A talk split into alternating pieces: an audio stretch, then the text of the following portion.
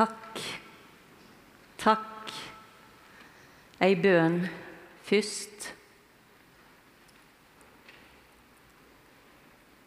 Må du, Gud, lyse opp auga i våre hjerte, så vi får innsikt i hva håp du har kalla oss til.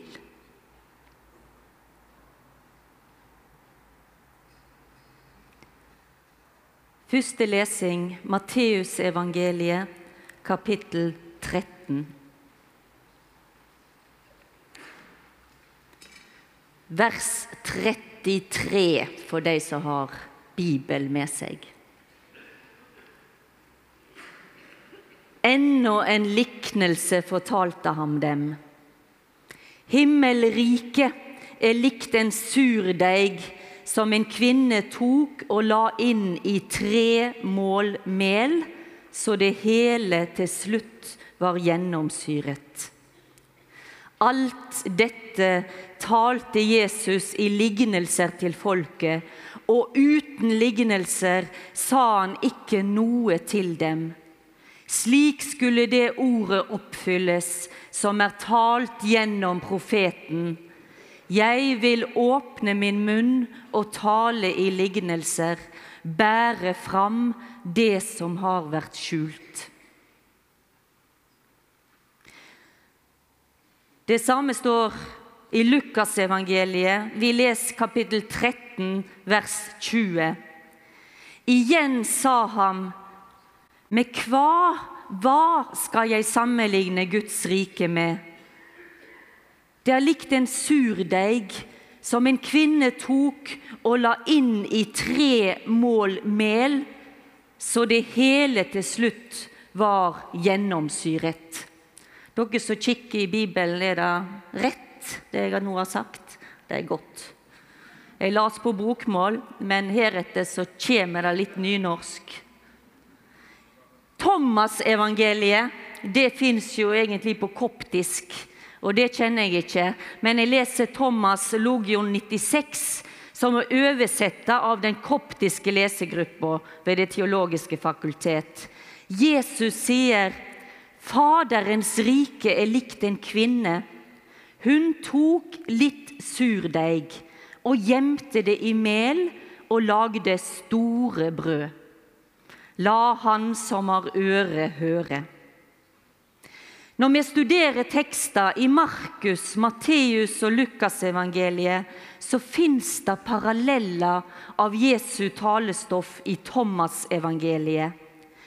Rett etter andre verdenskrig så ble Thomas-evangeliet på koptisk funnet i Egypt, Nag Hamadi. Thomas-evangeliet har bare talestoff. Ingen opplysninger om Jesu gjerninger, heller ikke om Jesu død eller oppstandelse. Og som dere nettopp hørte, Thomas-evangeliet forkorta lignelsen. Og det samsvarer med hele det evangeliets karakter. Forståelsen av teksten skal overlates til leseren sjøl. Vi synger en salme på dette korsvei som er nylaga, nybakt, av Ingrid Mjelve, heter hun som har skrevet. Ingrid Brekken Mjelve heter hun som har skrevet teksten. Ei linje der er sånn. Mektig er du når kun et surdeigsgram kan heve bakstekonas deig før dagen bryter fram. Har vi sunget den allerede? Nei. Nei. Men når skal vi synge den? Nå, kanskje? Ja, Skal vi synge den nå? Ja. Da synger vi den nå. Nummer 18 i Korsveiheftet. Nummer 18 i korsveiheftet.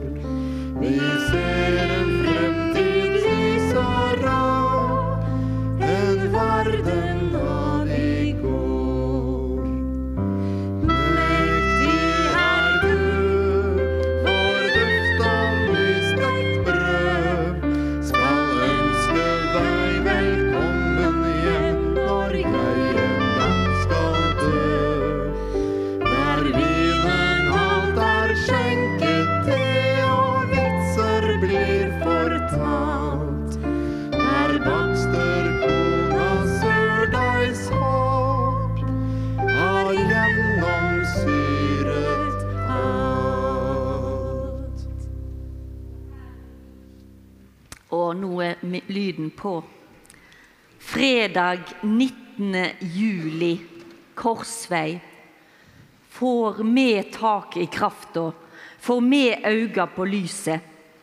Jeg skal gjennom disse to dagene, i dag og i morgen, halde bibeltimer, mer spesifikt gå sammen med dere inn i Det nye testamentet. Enda mer spesifikt i Markus, Matteus og Lukasevangeliet. Det vi kaller synoptiske evangelier. For de har ofte de samme fortellingene, men litt ulike varianter. Markus er Markus. Eldst og ganske uvørent og enkelt språk. Matteus tar og samler alt stoffet i større avdelinger. Bergpreika der, og underfortellinger i det kapittelet, og likninger i det kapittelet. Og Lukas, han lar Jesus gå veien. Han vender ansiktet mot Jerusalem, helbreder, samler en flokk rundt seg, der særlig mennesker som har erfaringer av å være haldne utafor, blir løfta opp. Bli med meg inn i Markusevangeliet kapittel 1, og hør hva som er det aller første Jesus sier. Og dette er utrolig viktig. Hva er det første Jesus sier? Tida er inne, og Guds rike er kommet nær. Vend om og tru på evangeliet. Det er det aller første Markus lar komme ut av Jesu munn. Legg merke til tida er inne. Bibelen beskriver to tider. Det ene er kronos-tid, og det andre er kairos-tid. Kairos det er et gresk ord for tida som betyr det rette øyeblikket, den rette tid. Tida er inne. Kronos, sant? det er kronologi. Det er den tida som går fra null til 100 framover. Legg merke til kronos, kairos. Kronos er stoppeklokka, tikker og går framover. Skal vi lete etter kraft og håp og lys, så er det igjen tid på, mener jeg, tid for å løfte opp Kairos. Det er ikke bare der framme. Av og til slår tida inn. Vi vet at mye forkynning har handla om å bite tennene sammen. For lønna venter i det hinsidige. Men tida er inne, sier Jesus og Guds rike er kommet nær. Vend om og tru på evangeliet. Det er det aller første Jesus sier, og han sier kairos og ikke kronos. Tida er inne, og så går han rundt, og vi oppdager at Guds rike det er ikke en stad, men det er noe som er virkelig, noe som blir virkelig. Når syke blir hela, synder blir tilgitt. Mennesker som har blitt tråkka på og oversett, blir reist opp uten skam.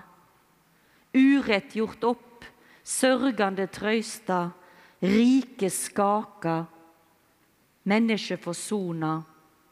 Ja, den som har øyne, sjå, og den som har øre, høyr. En av dere sa i går at jeg har erfart her på Korsvei å bli hela. En annen sa jeg har erfart her å bli rekna med. Jeg vil tro flere har erfart at en kan legge fra seg ting her, det som er tungt. Fellesskap.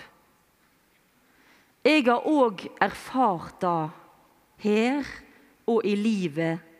Nådeglimt, som Tone snakket om i preika si i dag.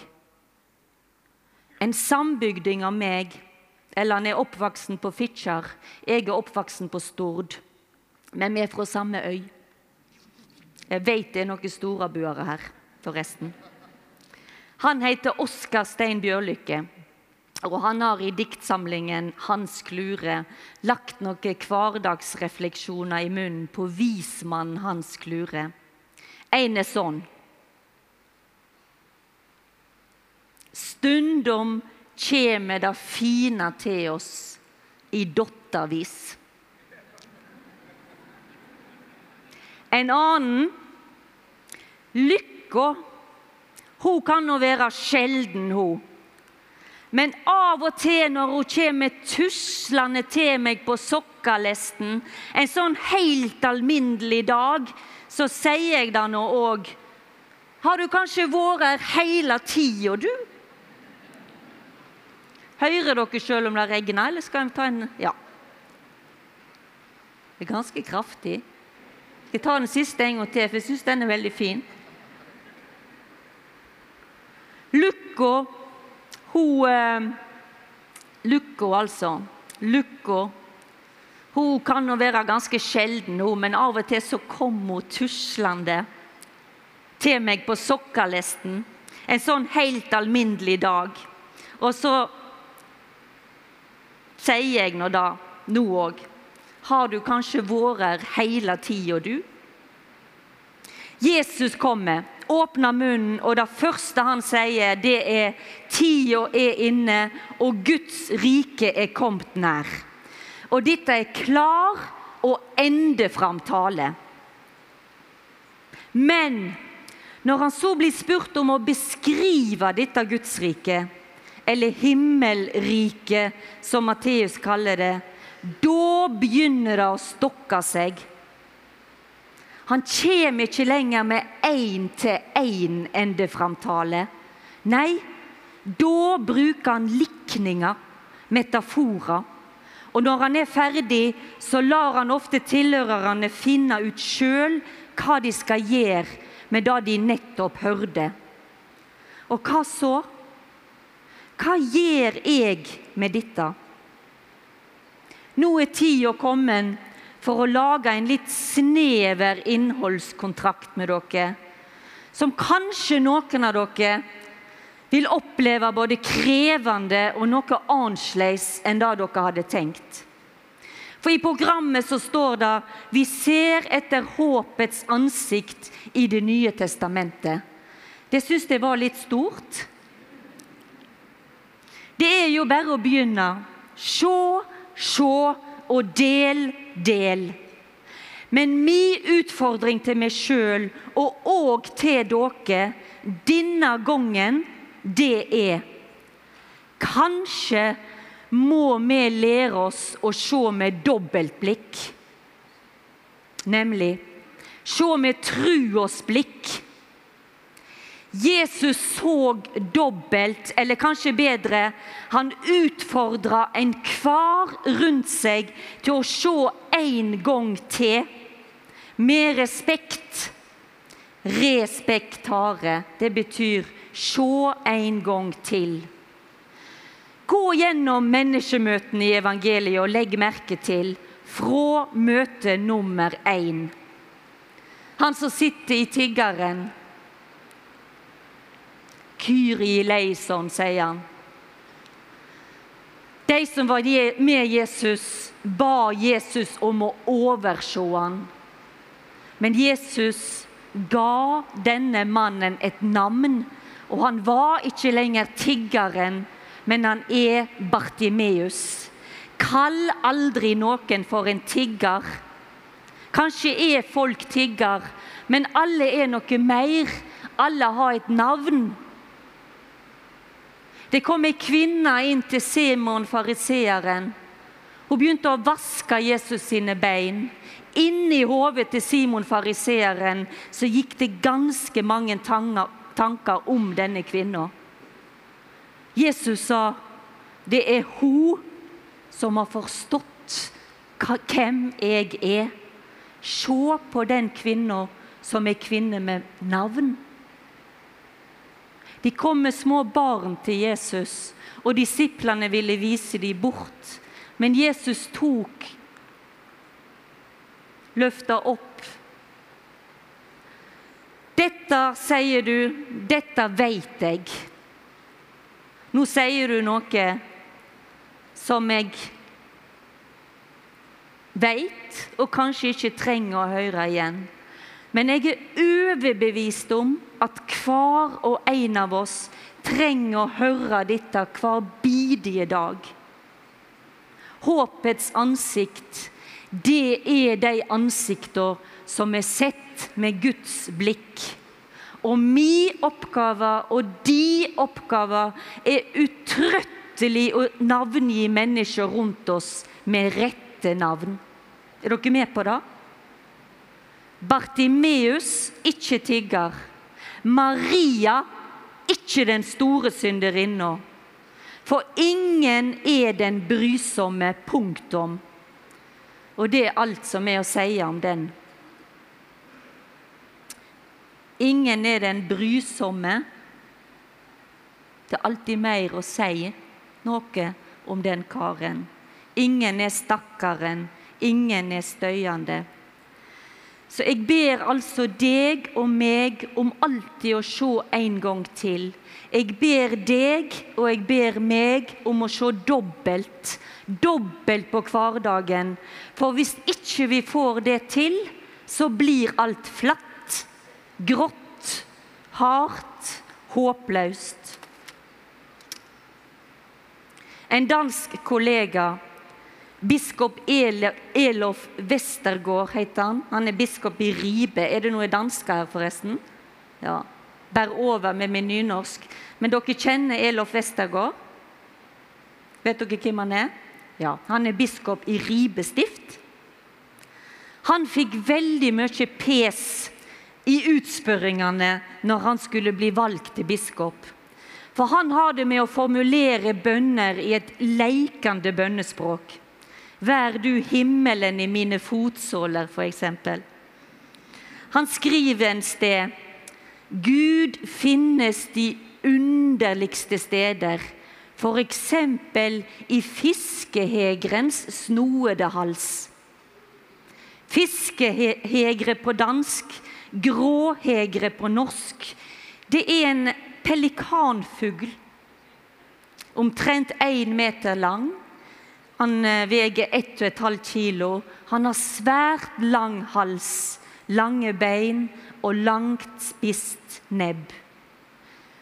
Mener Elof Westergård at det er bibelsk belegg for at Gud ligner fiskehegerens merkelige hals? Sånn spurte en tilhører under et debattmøte som altså berørte biskopens gudsbilde. Han svarer klokt, syns jeg. Jeg tror ikke at Gud er hegre. Men hvis du leser én til én, så leser du altså meget galt. Jeg er opptatt av det poetiske språk. Om en ikke må få skrive det forunderlige ved gråhegra. Hvordan kunne Grundtvig skrive 'Påskeblomst'? Eller dikterpresten Kai Munch skrevet om den blå anemone? Og så holder han fram man kan så meget mene at det er noe møkk. Og en kan ha et ønske om en teologi som plukker alle fjær av engler. Men jeg vil noe annet, sa han. Og det syns jeg var godt sagt. Og jeg trenger det. Og det er håpsdimensjonen, fliken av et gudsrike her og nå. Det å ane at ei anna vær er mulig. En annen teolog slash biskop har formulert ei bønn som passer til Ja, hvem er det den bønna passer til? til hver og en av oss. Vi kan vel alle være der. Det er den brasilianske erkebiskop Helder Camara. Han døde 29. august for ti år siden. Da var han 90 år gammel. Så han kan vi markere 100-årsjubileum til snart. Vær barmhjertig, Herre. Vis en særlig omsorg for de mennesker som er så logiske, praktiske og realistiske at de forarges når noen tror at det finnes en liten blå hest.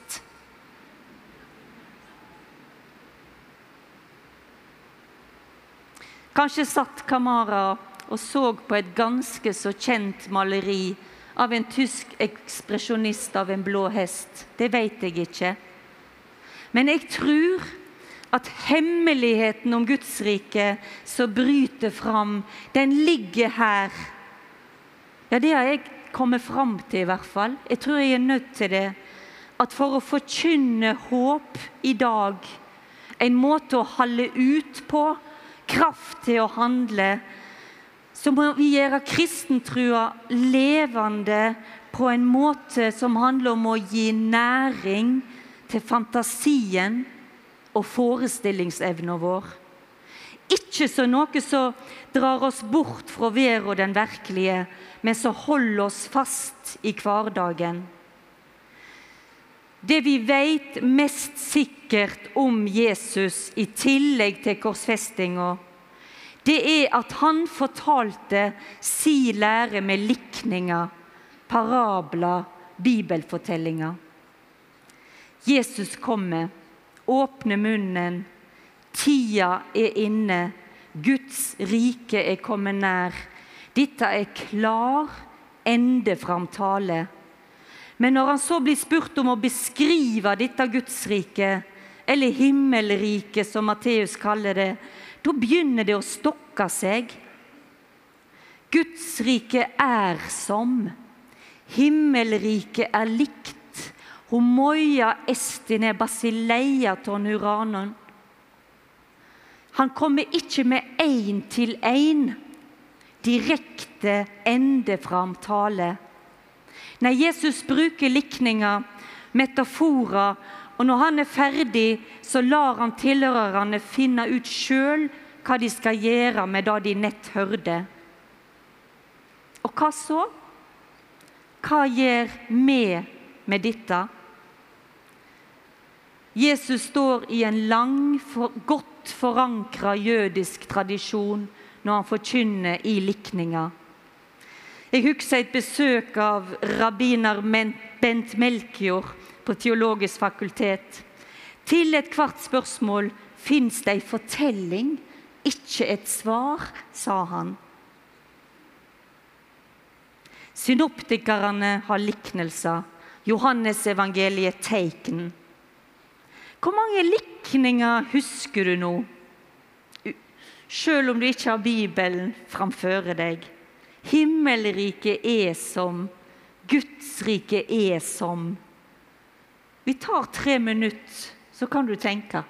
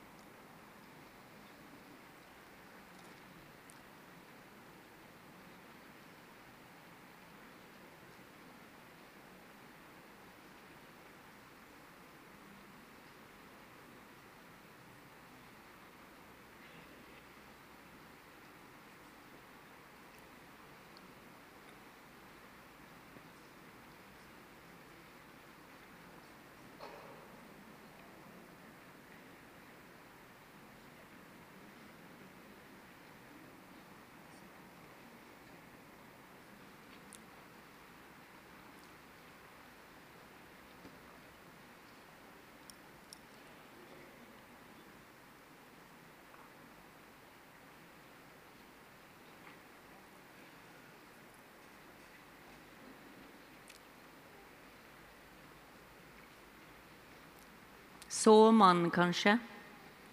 Ugrasen i kveit... Nei, ugresset i hveten. Sennepsfrø. Noen sa det, da? Sauen som ble funnet. Bonden og arbeideren, gjeteren, ei enke.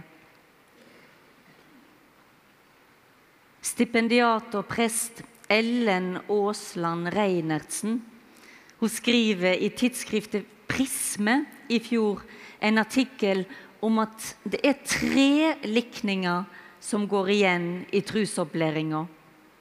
Og de blir valgt ut med den begrunnelsen at de er så sentrale, eller enkle. De tre likningene som går igjen, det er sauen som ble funnet, en far som venta. Alle disse to står i Lukasevangeliet kapittel 15. Og den barmhjertige samaritan. De er valgt med begrunnelsen at de er enkle og sentrale. Det må sies likninger er ikke enkle. Og det er nettopp det som er det slitesterke med de. De har mange poeng. De er sammensette, og de kan aldri reduseres til ett poeng. Og vi som sitter her, vi kan oppleve dem ulikt. Vi kan erfare dem ulikt, alt etter hvem vi er, og hva vi identifiserer oss med. Reinertsen skriver også i artikkelen hva med alt det problematiske som også fins i dem? Viser sauen som ble funnet, en far som ventet, Guds kjærlighet til oss? Hva med de 99 sauene som ble forlatt i ødemarken i den første lignelsen? Hva med den eldste, oversette broren i en far som ventet? Hva med alle slavene i husholdet til faren og de prostituerte som den eldste broren snakker om, som er med som selvsagte omgivelser til handlingen, uten at Jesus problematiserer det? Og handler dem barmhjertige samaritan utelukkende om nestekjærlighet?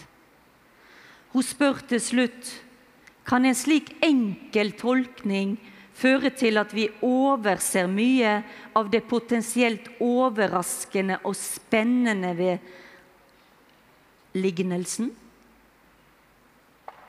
Oi, tenker du nå kanskje. Skal vi ikke få lov til å være enkle heller nå? Ta til oss fortellinga og sove godt. Jeg finner jo så mye trøst i de. Jo, men la oss ikke lukke disse fortellingene.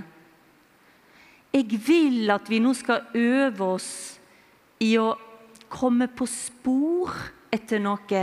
Finne håp, leite etter håp, kraft og lys. Og da kan jeg ikke ha en teologi som plukker alle fjær av alle engler. Og vi må ha med den blå hesten. En betydelig generasjon teologer og prester er opplært i Adolf Julicher sin likningsteori. Han skriver imot en allegorisk fortolkning og tar det helt ned. Likninga har ett poeng, og oftest er det moralsk. Og alt annet er detaljer. Det er poenget. Ettpoengsforståelsen har prega mange generasjoner av prester. Og de har jeg hørt på. Men det dumme med Julischer og eintolkningsteorien, det er Om det er bare ett poeng, så kunne en jo egentlig ha klart seg uten billedspråk. Dette er utrolig viktig. Danseren Isadora Duncan sier følgende If I could tell you what it meant, there would be no point in dancing it. Er ikke det ganske sjølinnlysende? Skal jeg være litt frekk med Jülicher og co., så er det som om at eh, folk er så dumme at de kan ikke tas til seg sannheten direkte. En må gå om billedspråk. Men nå skal jeg forklare deg, Jülicher, for poenget er faktisk det motsatte. Det er en del sanninger som bare kan sies i billedspråk. Om jeg kunne fortelle deg hva likninga betydde, det ene poenget, så var det ikke noe poeng i å fortelle likninga. Er dere med? Vi kan være uenig, men nå skal vi lete litt her. Av og til, tenker jeg, så kan det ikke sies på annet vis enn i likning. Og det er en grunn til at Jesus ikke hadde én-til-én-tale. Hvorfor?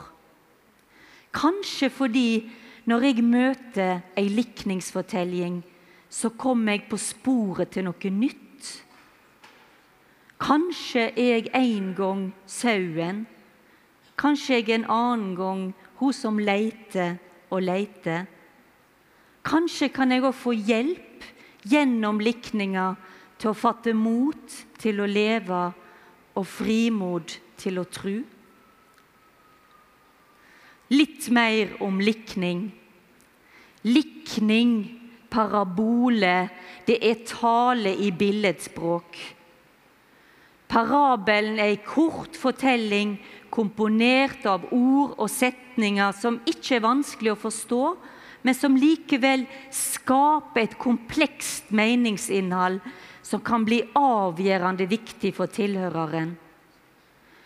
Det som videre kjennetegner parabelen, er at denne komplekse meninga både insisterer på å bli tolka og synes å unndra seg sikker tolking. Ei likning som er likt eller liksom. Flere av himmelrikelikningene i Matteus 13 åpner på følgende måte Himmelriket er likt. Det krever at vi, tilhørerne, har den nysgjerrigheten og tør, er villig til å bli overraska. Det tror jeg kreves av oss i dag for å holde håpet ved like. Ikke for å holde oss bort fra verden, men ja, for å holde Guds rike levende imellom oss. Jesus, the storyteller, Sur deig, dagens likning. Matteus 13, 33. Ennå en liknelse fortalte han deg. Himmelriket er likt en surdeig som ei kvinne tok og la inn tre mål mel. Eller det står hun skjulte krypton, er det greske ordet. Så til slutt Så det hele til slutt var gjennomsyret. Alt dette talte Jesus i lignelser til folket, og uten lignelser så sa han ikke noe til dem. Slik skulle det ordet oppfylles som er talt gjennom profeten. Jeg vil åpne min munn og tale i lignelser, bære fram det som har vært skjult surdeig. Det greske ordet 'sume', som i enzym, sume, og asymos for usyra. Som ei kvinne tok og la inn tre mål mel, så det hele til slutt var gjennomsyra.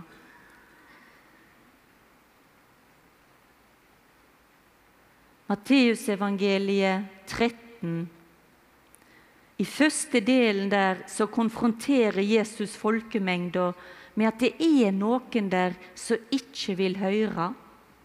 Han siterer Jesaja. For hjertet til dette folket har blitt fett. Tungt hører de med øra. Så de kan ikke se med øynene eller høre med øyra. De er uvillige til å vende om og la Gud leke dem. Så forteller han tre likninger. Ugraset i kveiten, sennepsfrøet og surdeigen. Surdeigen, en sånn hverdagslig situasjon. Ei kvinne forebur en brøddeig. Brød på den tida og i det samfunnet var livet. Brød. Gi oss i dag vårt daglige brød. Her er det ei kvinne som tar en surdeig. Surdeig! Jeg var i Stockholm i fjor og rusla rundt på Södermalm. Og da så jeg følgende 'Surdeigshotell', sto det. Jeg gikk bort og las på skiltet 'En surdeig behøver både kjærlek og næring'. Overveier du å skippe utenlandsferien din eftersom du ikke vet hva du skal gjøre med din surdeig? Lugn.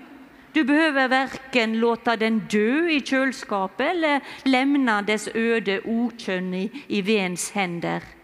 Her kan surdeiginteresserte lemne sin lille deg. Og så ser vi til at den er i perfekt kondisjon når den hentes igjen. Fantastisk.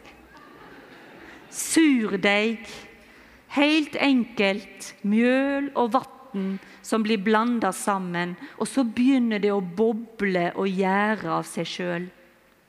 Fordelen med surdeigsbakst er at den er rikere på smak og fattigere på stivelse og gluten. Du får et sunnere brød som er lettere å fordøye. Bland sammen mjøl og vann i ei bolle. Det skal ligne ei tjukk pannekakerøre. Bruk gjerne flere typer mjøl, så rug og kveitemjøl. Økologisk mjøl har flere sunne bakterier, så det er lettere å få i gang en surdeig med økologisk mjøl. Litt mer vann og mjøl. La røra stå i tre dager i en boks med løst lokk. På tredje dag så bør det ha kommet noen bobler i mjølet og vannblandinga. Ta da vekk to tredjedeler av blandinga og mat den gjenværende tredjedelen. La blandinga stå til dag fire eller seks. Vent til det kommer en god del bobler, og så gjentar du prosessen for dag tre et par dager på rad. Nå bør surdeigstarteren begynne å bli stabil og han skal være klar til å begynne å bake med. En ferdig surdeigstarter skal lukte friskt og godt og ha mange bobler i seg. Surdeigen, altså. Denne klumpen med surna mjøl og vann. Himmelriket er likt en surdeig som ei kvinne tok og la inn i tre mål med mel til alt var gjennomsyra. Hun tar surdeigen og gjøymer tre mål mel. Ca. 36 liter, eller 20 kilo. Ok, her er det snakk om storbakst. Kvinne gjør gjøymer. Gjøymer i tre mål efa en likningsforsker sier at Efa er faktisk forbundet med det hellige. Da Abraham ønsker de tre gjestene velkomne, får han Sara til å bake kake med tre mål sea fint mjøl. Efa 36 liter. Og i Gideon, en engel viser seg for Gideon, og da tar han en efa mjøl og baker usyra brød. Hanna gir vekk en efa når hun gir vekk sønnen Samuel. Fortellinga forteller til alt blei gjennomsyra. Til alt 20 kilo er gjennomsyra. Da kan en hive det ut på bordet og elte og kna og begynne å bake brød. Kvinna legger inn i surdeigen. Det gjør hun. Og så venter hun til alt er gjennomsyra. Surdeig. For å lage enda en til tvist til denne fortellinga, Surdeig var forbudt å ete i pesha, passover, påsketida. Surdeig det er bildet på noe som uten unntak er kobla med syndighet. Surdeig det korruperer, det ødelegger og må kastes ut. Himmelriket, Gudsriket, er likt en surdeig som ei kvinne tok og la inn i tre mål med mel, til alt var gjennomsyra. Grunn på det. Gå inn i det. Se det fra ulike vinkler. Jeg tror at du og jeg kan komme på spor etter Guds rike, håpet. Og når det faktisk går opp for oss at så nært er det Kairos. Kanskje for virkelig å erfare Guds rike, så må vi begynne å lage surdeig. Stå med mel i hendene. For virkelig å erfare at frelse skjer, at skaping fryder seg, at sjuke blir hela. Kanskje kan det hjelpe å ha surdeig i nevene, kna brød med brødet i hendene. Grunn på dette til i morgen. Jeg har lært dere ei likning på ett vers. Husk den. Jeg vil stanse nå, for at du skal få fortsette om du vil. Kanskje legger du merke til noe som ikke har blitt nevnt i det hele tatt. Tre mål, altså 36 liter, 20 kilo mjøl. Det er veldig store mengder i et bitte lite bakekjøkken. Alt klasjer. Det er alltid noe i det Jesus forteller som ikke går opp. Og det er sånn det skal være. Amen.